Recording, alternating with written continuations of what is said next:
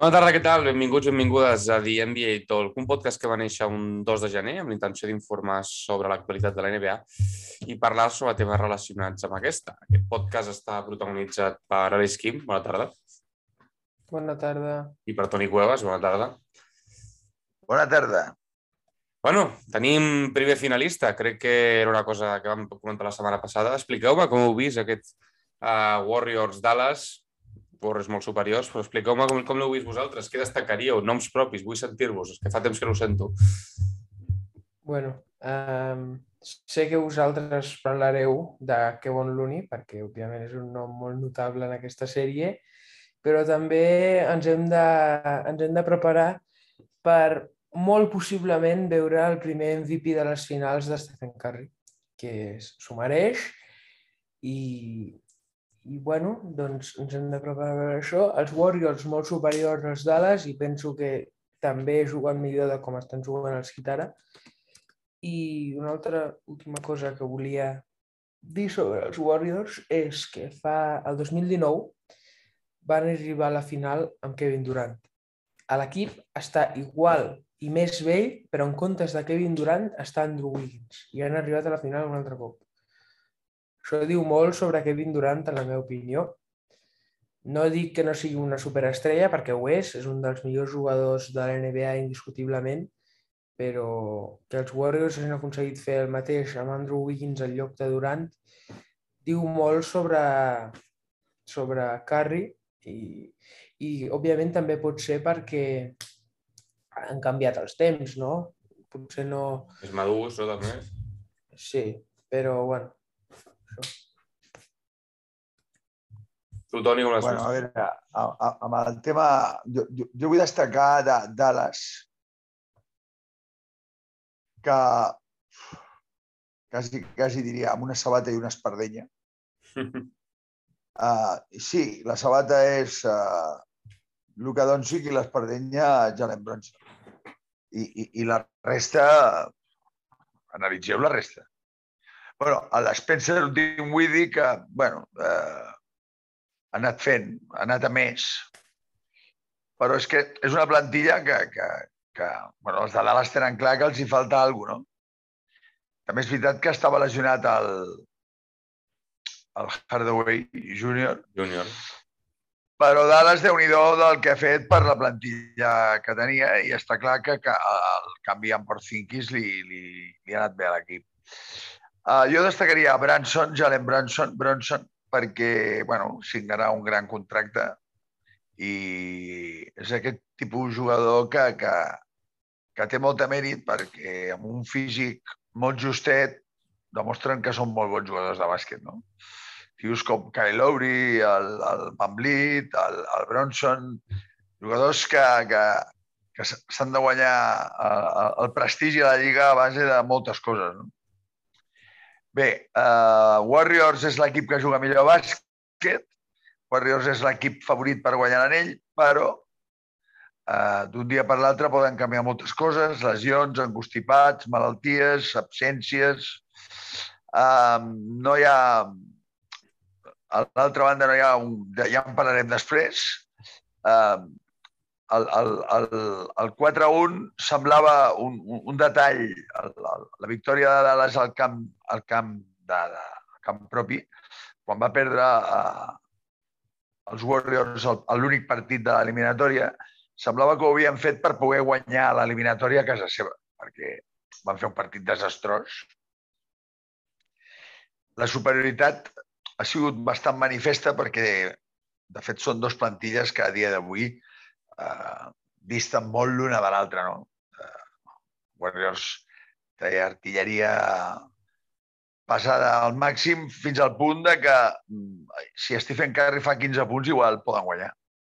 Sí, sí, jo... Per tant, màxim candidat a l'anell en espera del que passi a l'altre eliminatori i sapiguem si uns o altres seran els rivals. I és que mai més ben dit, ho has dit. Curry, el partit que guanya, bueno, que finiquita la sèrie Golden State, anota 15 punts, juga 34 minuts i, sí. i la seva aportació, diguéssim, és, no diré testimonial, que tampoc és el cas, però va jugar 34 Ja. minuts, el partit que A l'elimina... sí, sí. És que aquests La jugadors... plantilla de, dels Warriors és molt fonda, sí. Sí, Ah, sí. I, I el Curry és lo suficientment bo i llest com per... Ja, ja està de voltes de moltes coses. Si no cal que anota més, ell no anota. Vull dir, el Curry ja està en aquell moment de que només anotarà quan, cal, quan calgui. Si no cal anotar, ell, ell no anotarà per anotar. Ja està en aquest, en aquest supernivell en el qual fer 30, 20 o 40 tant li fot. Ell ara l'únic que té al cap és, és el seu quart anell. I el, I el quart partit, a més a més, que el, el que perden, juguen... El que, més, el, que més, el que més minuts juga és Stephen Curry amb 32, la resta per sota de 30 amb uns amb 10, tirs per, 10, tir, 10 tirs de camp, 8 tirs de camp, vull dir, molt tranquils, eh, que és el que heu di- dit vosaltres. Semblava que volguessin finiquitar la sèrie a, a San Francisco i així ho han fet, un partit de descans més. Um, a veure, jo... Ara, ara parlarem sobre l'altra sèrie, no? Sí, sí, clar. clar. Doncs, per, per fer aquesta transició, um, volia comentar sobre un comentari que va fer Draymond Green uh, al final del partit dels Warriors contra els Mavericks, que va dir uh, uh, esperem els Celtics a les finals, guanyaran el partit. I, clar, una estratègia molt bona de Draymond Green fer això, perquè, òbviament, dir això ha provocat els jugadors del Miami Heat. I, i ara arriben a partit 7, després del partit 6, i això, si no m'equivoco, ha donat 3 dies extras de descans als Warriors i els Heat només tindran 3 dies de descans abans de jugar el primer partit de les finals. Els Heat o Celtics, qualsevol equip que guanyi. Jo crec que Uh, això, això és una mica anecdòtic. Eh, bueno, i- però, a veure, el, el Tucker, després del partit, va dir el Tucker i el Haslem, el Haslem no juga, però dona igual. Van dir, gràcies a Draymond Green per haver-nos subestimat, era el, era el que necessitàvem. Bueno, Jo penso mica... que pot, pot, pot haver sigut a propòsit. El Draymond Green és llest. Tenen... Va. Els Warriors, bueno, l'únic és que els Warriors tindran una gran avantatge a les finals pel, pel temps de descans que han tingut. Experiència i mil Bueno, coses no, no, no. Bueno, uh, sí, temps de descans, uh, no sé, com... més que el temps de descans, que eh, no se sap fins a quin punt és, és Sí. important descansar tant, Ara ho anava a dir, també. que et, et, et treu el ritme, és com arribarà físicament el rival I de Warriors a la final. Sí, o sigui, ja no és tant- partits, Ja no, és tant sí, el des, ja no és tant el descans que tindran els Warriors, és sinó com, com, arriba, com arriben les plantilles, com, quines ferides de guerra està provocant aquesta eliminatòria. Vale? Estem parlant de Kyle Lowry, estem parlant de Tyler Hero, estem parlant de Marcus Smart, estem parlant de, bueno, diferents jugadors que van tocats, el, el, el, el Williams, Frank Williams, William. Um, aleshores, clar, això sí que influeix en quines ferides de guerra arribes al final. I més quan t'estàs parant un equip com els Warriors, no? Ah. Um, bé, a part de destacar Brunson, per part de Warriors, com ha dit l'Alex Kim, cal destacar Kevon Looney. Bon l'un. Cal, cal destacar a un tipus de jugador que, que, que a la, a la NBA actual és, és, és, és complicat la seva subsistència, perquè és un jugador que es limita a defensar, agafar rebots i, i, i aprofitar... Clar, aprofitar què? El gran joc de Warriors que el, sempre li acaba donant algunes cistelles sota l'aro, perquè no ens equivoquem. La majoria de cistelles que fa Kevon Looney són mas- mastegades per l'equip. Sí, sí. Ell no té que crear-se cap jugada, això No, està no. clar. Però el seu paper és, és, és important, tot i que dubto que jugui finals de partit ajustats, perquè va, és molt irregular amb els tirs lliures i segurament a finals de partit que Volverin no estarà a la pista. No, finals de partit ajustats. no, el Quinteto de la Muerte també era el Quinteto de la Muerte que sempre acabava acabant els partits. Recorda que als inicis no sempre començaven Sí. tots ells. Potser Seria... començava eh, el propi Kevin Lu- que vol l'Uni, eh, anaven rotant. Potser Iguodala sortia de sisè home i acabava el partit. Vull dir que... Al final, s'ho van muntant bé per, per acabar els millors al final. Al final del partit és Curry, Poole, Thompson, Green. Wiggins i Green, no?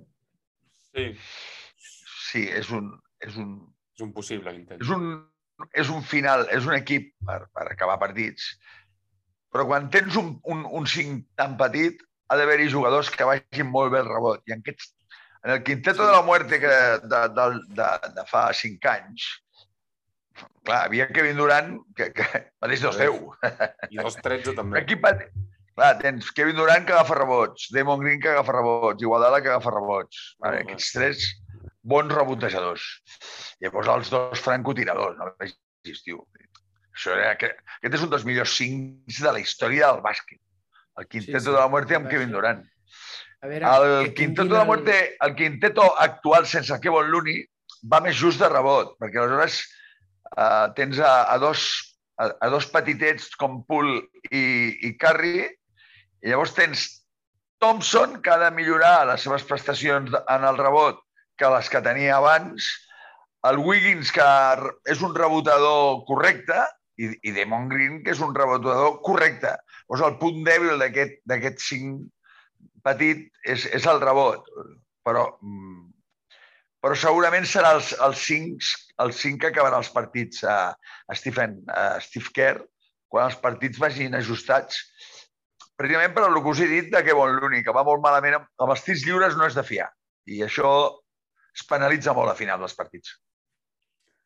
Sí, sí, així és. I, i torno a Miami i a, i a Boston, que com, com estàvem comentant, el, el tema del, del cansanci d'arribar com arriben. Tatum s'està jugant una minutada, eh, Jalen Brown també, Butler no, ja, no cal ni que us ho digui, ja sabeu els, els, les exhibicions que està fent. Clar, ja no és arribar més cansat o menys, és que aquesta gent porta molta trute a sobre la, les seves cames i crec que estareu d'acord amb mi que la sèrie de l'Est s'estan fent molt més dures que les de l'Oest, perquè Golden State ha eliminat a Dallas, um, s'ha carregat uh, també a, a Memphis 4-2, es va carregar a Denver 4-1, vull dir que mai ha passat de més de 6 partits, mentre que Miami ha hagut de lluitar 4-2, Boston ve de fer-li un setè partit a, a Milwaukee, un 4, contra, contra Brooklyn 4-0, que les cames pesen més, eh, també a l'est que, que, que a l'oest aquest any. Així que... Jo, bueno, durant la temporada regular ho vam comentar molt i penso que estaven correctes en dir-ho perquè sempre diem que, clar, eh, el playoff és quan compta i el playoff ho ha demostrat que a l'est és molt més fort de que a l'oest.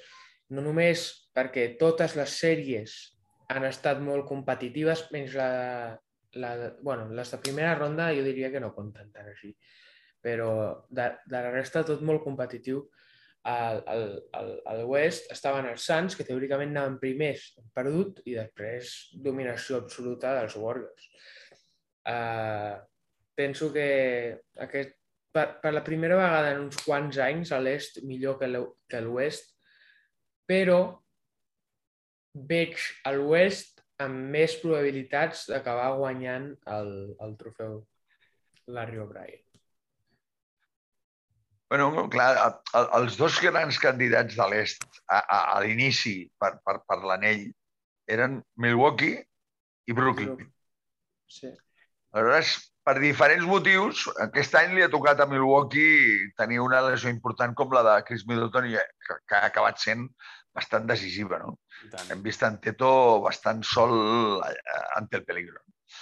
Brooklyn és aquell, aquella franquícia que només fan que passar coses. No hi ha manera humana de que no passi alguna cosa. Uh, aleshores, l'est era, era més, uh, més competitiu, més, més renyit tot, però al final Golden State Warriors s'ha regit com el gran, com el gran uh, candidat. A més a més, ha tingut, com ha dit l'Àlex, un, un, un camí més planer. Um, continuo pensant que la sèrie està en mans de Boston, com vaig dir a l'últim podcast. Uh, depèn de l'encert de, de, de, de Boston. Si els dos equips estan encertats, Boston té més artilleria que Miami. Miami depèn molt de, de, de Jimmy Butler. Miami depèn més de Jimmy Butler que Boston de Jason Tatum. Aleshores, uh, a veure com estan uh, jugadors com Marcus Smart per una banda, Kyle Lowry per l'altra. Um, bé, ja sé que sempre parlo malament de Debayo, però és que Debayo m'està superant, està superant el, el que jo, el que jo he dit de, de Debayo, no? Vull dir, està fent uns play-off desconcertants. La paraula és desconcertant, perquè va fer un dia 27 punts, que no sé què li va passar, però el normal és que no passi dels 10. Uh, en defensa és un jugador bo, evidentment, amb aquestes condicions físiques que té, però clar, és que Jimmy Butler, si no fa 40 punts, Miami com pot guanyar? Tyler Hero lesionat. A l'Estrus, vale, et fotrà algun, algun triple, vale, però no pots, no pots refiar que l'Estrus et faci 15-20 punts per partit. O sigui, a, a, a Miami, si Jimmy Butler no passa àmpliament dels 30, mm, qui fa els punts? Digueu-me qui fa punts a Miami. Ningú. I és aquest el problema. Aquí, a, aquí està el drama el... de Miami. En canvi... En, entre els partits 4 i 5, eh, Kyle Lowry, en conjunt amb els dos partits, va fer dos punts. Dos. Ja, ja, ja. Per tant, Kyle Lowry és molt important per, per acompanyar a, a, a Jimmy Butler, però és que Kyle Lowry físicament va com va, va, va justíssim. Sí, sí. Uh, igual. Aleshores, a veure, a veure, per jo això... con, continuo pensant que, que, que a Boston hi ha més recursos però, bueno, eh, Boston ha desaprofitat l'oportunitat de sentenciar l'eliminatòria al Boston Garden, al, perdó, al Tiny Garden, i, i ara s'ho tindran que guanyar pues, a Miami, que pot ser també, eh, perquè aquesta sèrie és, és muntanya molt muntanya russa. russa. russa. Eh, els factors camps no han servit per res, i això que hi ha hagut ambientassos tant a, a Boston com a Miami increïbles, però mm, estem en mans de la inspiració d'uns noms propis que determinaran qui passarà a l'eliminatòria. No sé què diuen les apostes, però si a mi ara em dieu qui guanyarà, és que no, no en tinc ni idea. No en tinc ni idea. Si el resultat és avoltat, eh, té les de guanyar Boston. I que, que Tyler Hero estigui lesionat encara complica més aquesta... Home, clar, clar. Ah, això de, de, dels punts. I per això Perquè jo penso Teller que... Hero garanteix 15-20 punts. I això va de conya. Sí. Ah. Però clar, si està lesionat no tens aquests 15-20 punts. Ah, per això llavors... jo penso que a aquest off-season els Miami han de, han de buscar un jugador dels, dels que estan disponibles serien Zach Ladin, Bradley Bill, Donovan Mitchell... Un, un Oladipo, eh, el factor Oladipo, sortint de, de, de la banqueta i que l'Oladipo eh, pot passar eh, perfectament. Pot passar perfectament, senyors, que en aquest partit, el setè partit, l'Oladipo foti 25 punts. Eh? Pot passar perfectament. La... Aquest comeback de l'Oladipo m'ha agradat molt a mi, eh? Un jugador que m'agrada molt i me n'alegro per ell. Bueno, eh, és un comeback mm, sortint de la banqueta, no, però bueno, almenys està en un equip amb aspiracions i amb un paper... Bueno, és un paper important, perquè per tot el que estem sí, dient, sí. Anem, anem mirant i, i diem, bueno, qui pot fer punts aquí? I, i anirem a parar a l'Adipo. Vull dir, ah, que, qui pot fer punts aquí? O l'Adipo. Sí, mira, jo us amb, dic... Amb Jimmy Butler, si em fas dir segon màxim anotador del setè partit, ja t'ho dic, de Miami o l'Adipo. Mira, a priori... O, es es, es paga més. I es posa les piles. També. Es paga, o sigui, a priori Celtics és favorit, es paga molt més a que Miami uh, guanyi, però jo no sé per què tinc la corazonada que jugant a Miami, clar, no sé, hauria de mirar registres i no sé tampoc com, bus com buscar-los. Imagineu-vos un Jimmy Butler va anotar 47 punts al Game 6, eh, serà capaç? Perquè ha de si volen guanyar, sent un partit com és, ha de passar de 40, això és sens dubte. Serà capaç de fer-ho o Marcus Smart s'imposarà defensant-lo i el sacarà? No sé, l'encert de Boston com estarà. És que Boston depèn molt de l'encert. I, i, i, I ho deia contra Milwaukee i ho continuo dient contra, contra els Heat. Algú que em sent dirà i els Heat també depenen de l'encert. Quan em refereixo que Boston depèn molt de l'encert, és que Boston és un equip que depèn molt de l'encert de, dels 7 metres de fora. El, el Jimmy Butler pot fer 40 punts i haver tirat dos triples. Estem d'acord? Sí, sí, sí. I 50. Per tant, no depenen tant de... de, de, de... El, el Jimmy Butler no depèn de, de... Els punts de Jimmy Butler poden estar al voltant de l'ampolla tots perfectament. En canvi, Boston ha de notar més des de la línia 3. Si estan encertats, guanyarà Boston. Sí. És igual que estiguin a Miami. I no, i no és qüestió de defensa. Eh? La, el desencert de, dels equips no va de, del tema de defensa, va de, de, del desencert. Perquè al final molts tirs que, que, que, que erra Boston és amb els dos peus plantats a terra i alliberats. Vull dir, els, els atacs circulen pilotes a, a velocitats ferotges i acaben trobant un tir còmode de, de 7 metres, però un tir còmode. I avui en dia tirs còmodes de 7 metres és, és el que s'està abundant uh, al bàsquet modern. Sí, sí, sí. sí. Per tant, favorits... Mm, hosti, és que... Dius que les apostes donen favorit a Boston, imagineu-vos, eh? Jugant a Miami, eh? Jugant, jugant a Miami, el setè partit, i sent Miami primer de conferència est, Ja les apostes guanyar- donen favorit a Boston. Sí, sí. Ja vam guanyar l'últim partit amb 47 punts de Jimmy Butler. Bueno, perquè veuen que la, la, la màquina deu dir 47 punts una altra vegada, 40 punts una altra vegada, Jimmy. Ja, això és molt difícil. I com que tam tampoc deuen veure a La, sensa 40 la sensació, la sensació veient el sisè partit és que Boston va perdre el partit. O sigui, va desaprofitar una oportunitat. Haguessin pogut guanyar Joder, perfectament. perquè amb els partits que van fer Tatum i Brown, el sisè partit, uf, havien de guanyar, eh? Tatum va fer un partidàs. Van perdre, però... No, clar, és que són No 47 fallava. punts, eh? Són 47 punts de Jimmy Butler, eh? Si no guanya, si no guanya Miami amb 47 punts de Jimmy Butler, recúpate Bueno, l'horita. 47 de Jimmy Butler i 17, 17 de Kyle Lowry. La Sí, resta, havia... misèria i companyia. Sí, sí, la resta acompanyant. Max Struz, si no m'equivoco, havia fallat uh, més de... po- po- Poden ser 20, però per no exagerar, diré 15, que estic segur.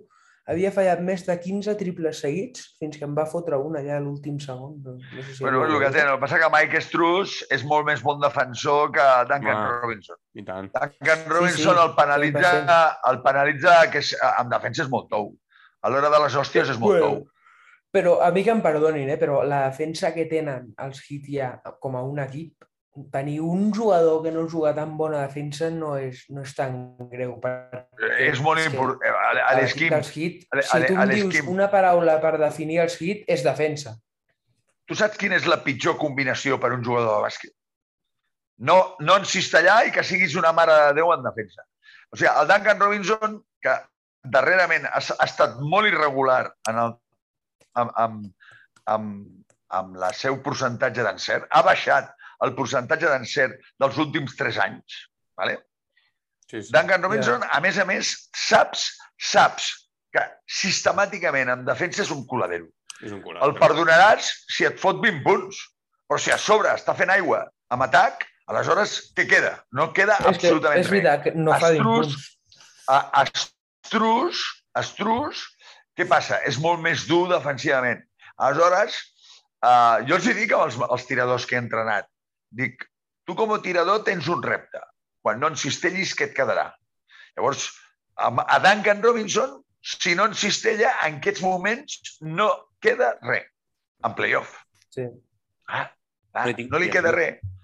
No reboteja. Amb l'1 contra 1, defensa u- de, de l'1 contra un pilota, és, és que el passa, el passa la meva àvia.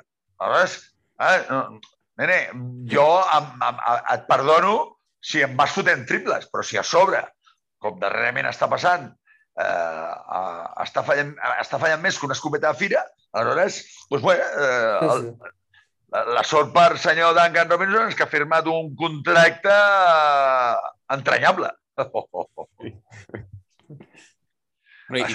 Signa el contracte, és curiós, signa el contracte i comença a fallar més de la compte.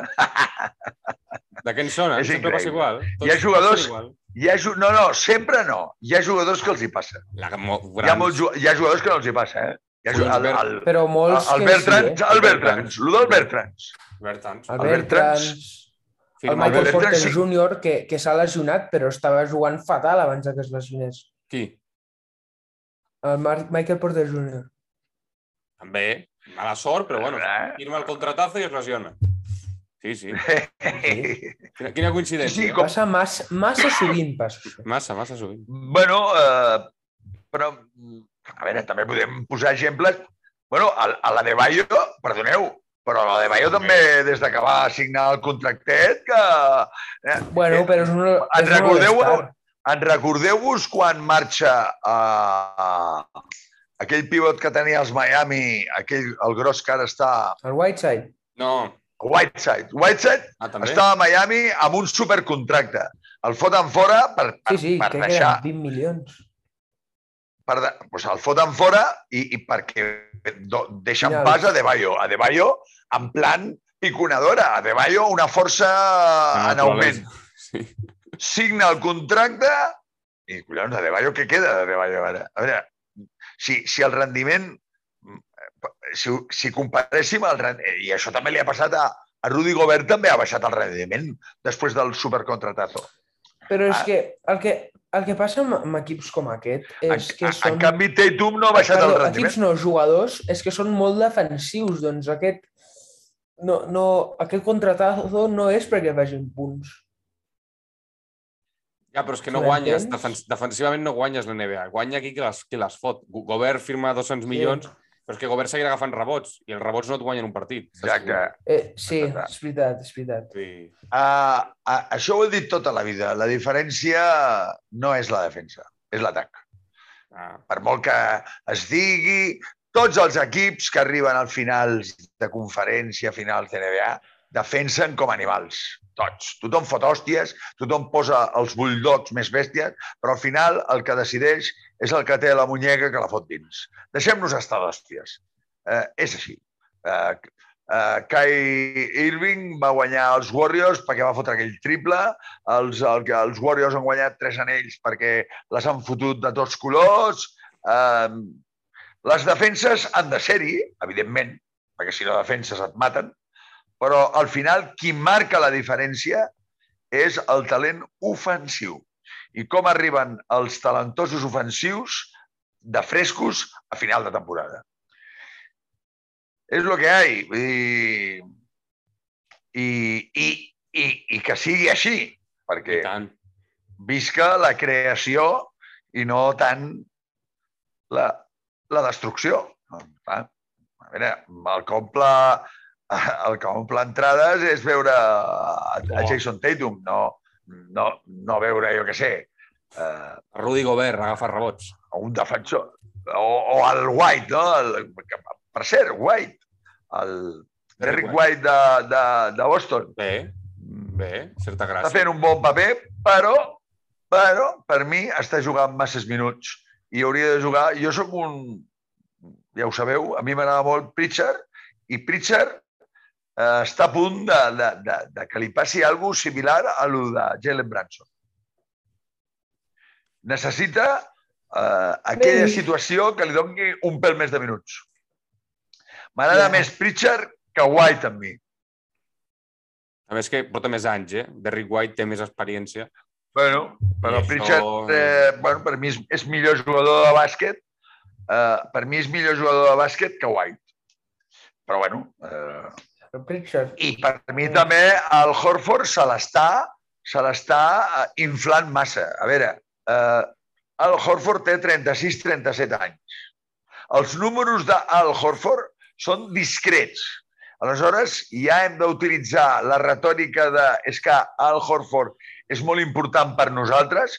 A veure, a mi no em vingueu amb tantes uh, montsergues. Menys minuts d'Al Horford i més minuts de Grant i Robert Williams. Uh, sí, i sí, sí. no tant... Perquè és un veterano, senyors. Un veterano, si, si abuses d'un veterano, arribarà al final del partit cascat. Més val que jugui una mica menys, perquè rendeixi millor.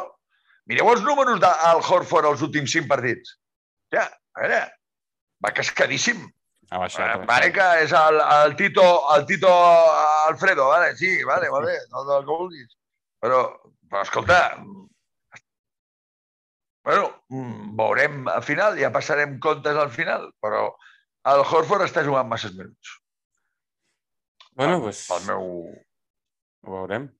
Ho veurem aquesta nit.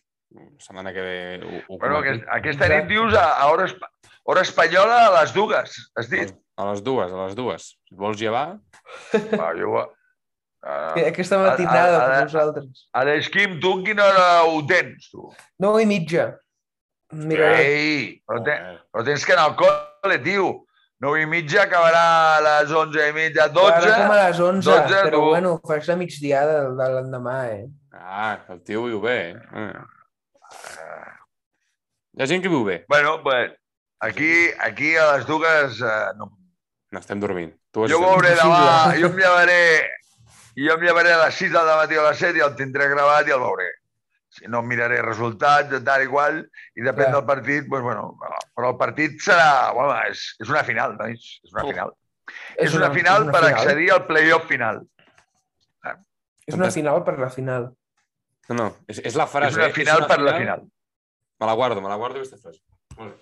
I, home, clar, eh? és una final que et dona, no et dona un premi, bueno, no et dona un títol, et dona l'accés a la superfinal. Tècnicament sí que et dona un premi.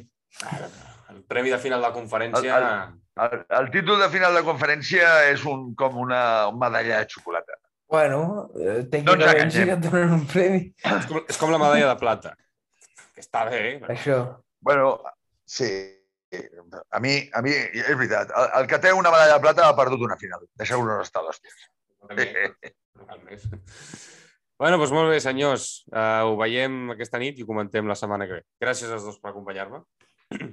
Gràcies a vosaltres. Vinga, adeu-siau a tots. I ens Adéu, veiem ens ve. properament. Una abraçada i adeu.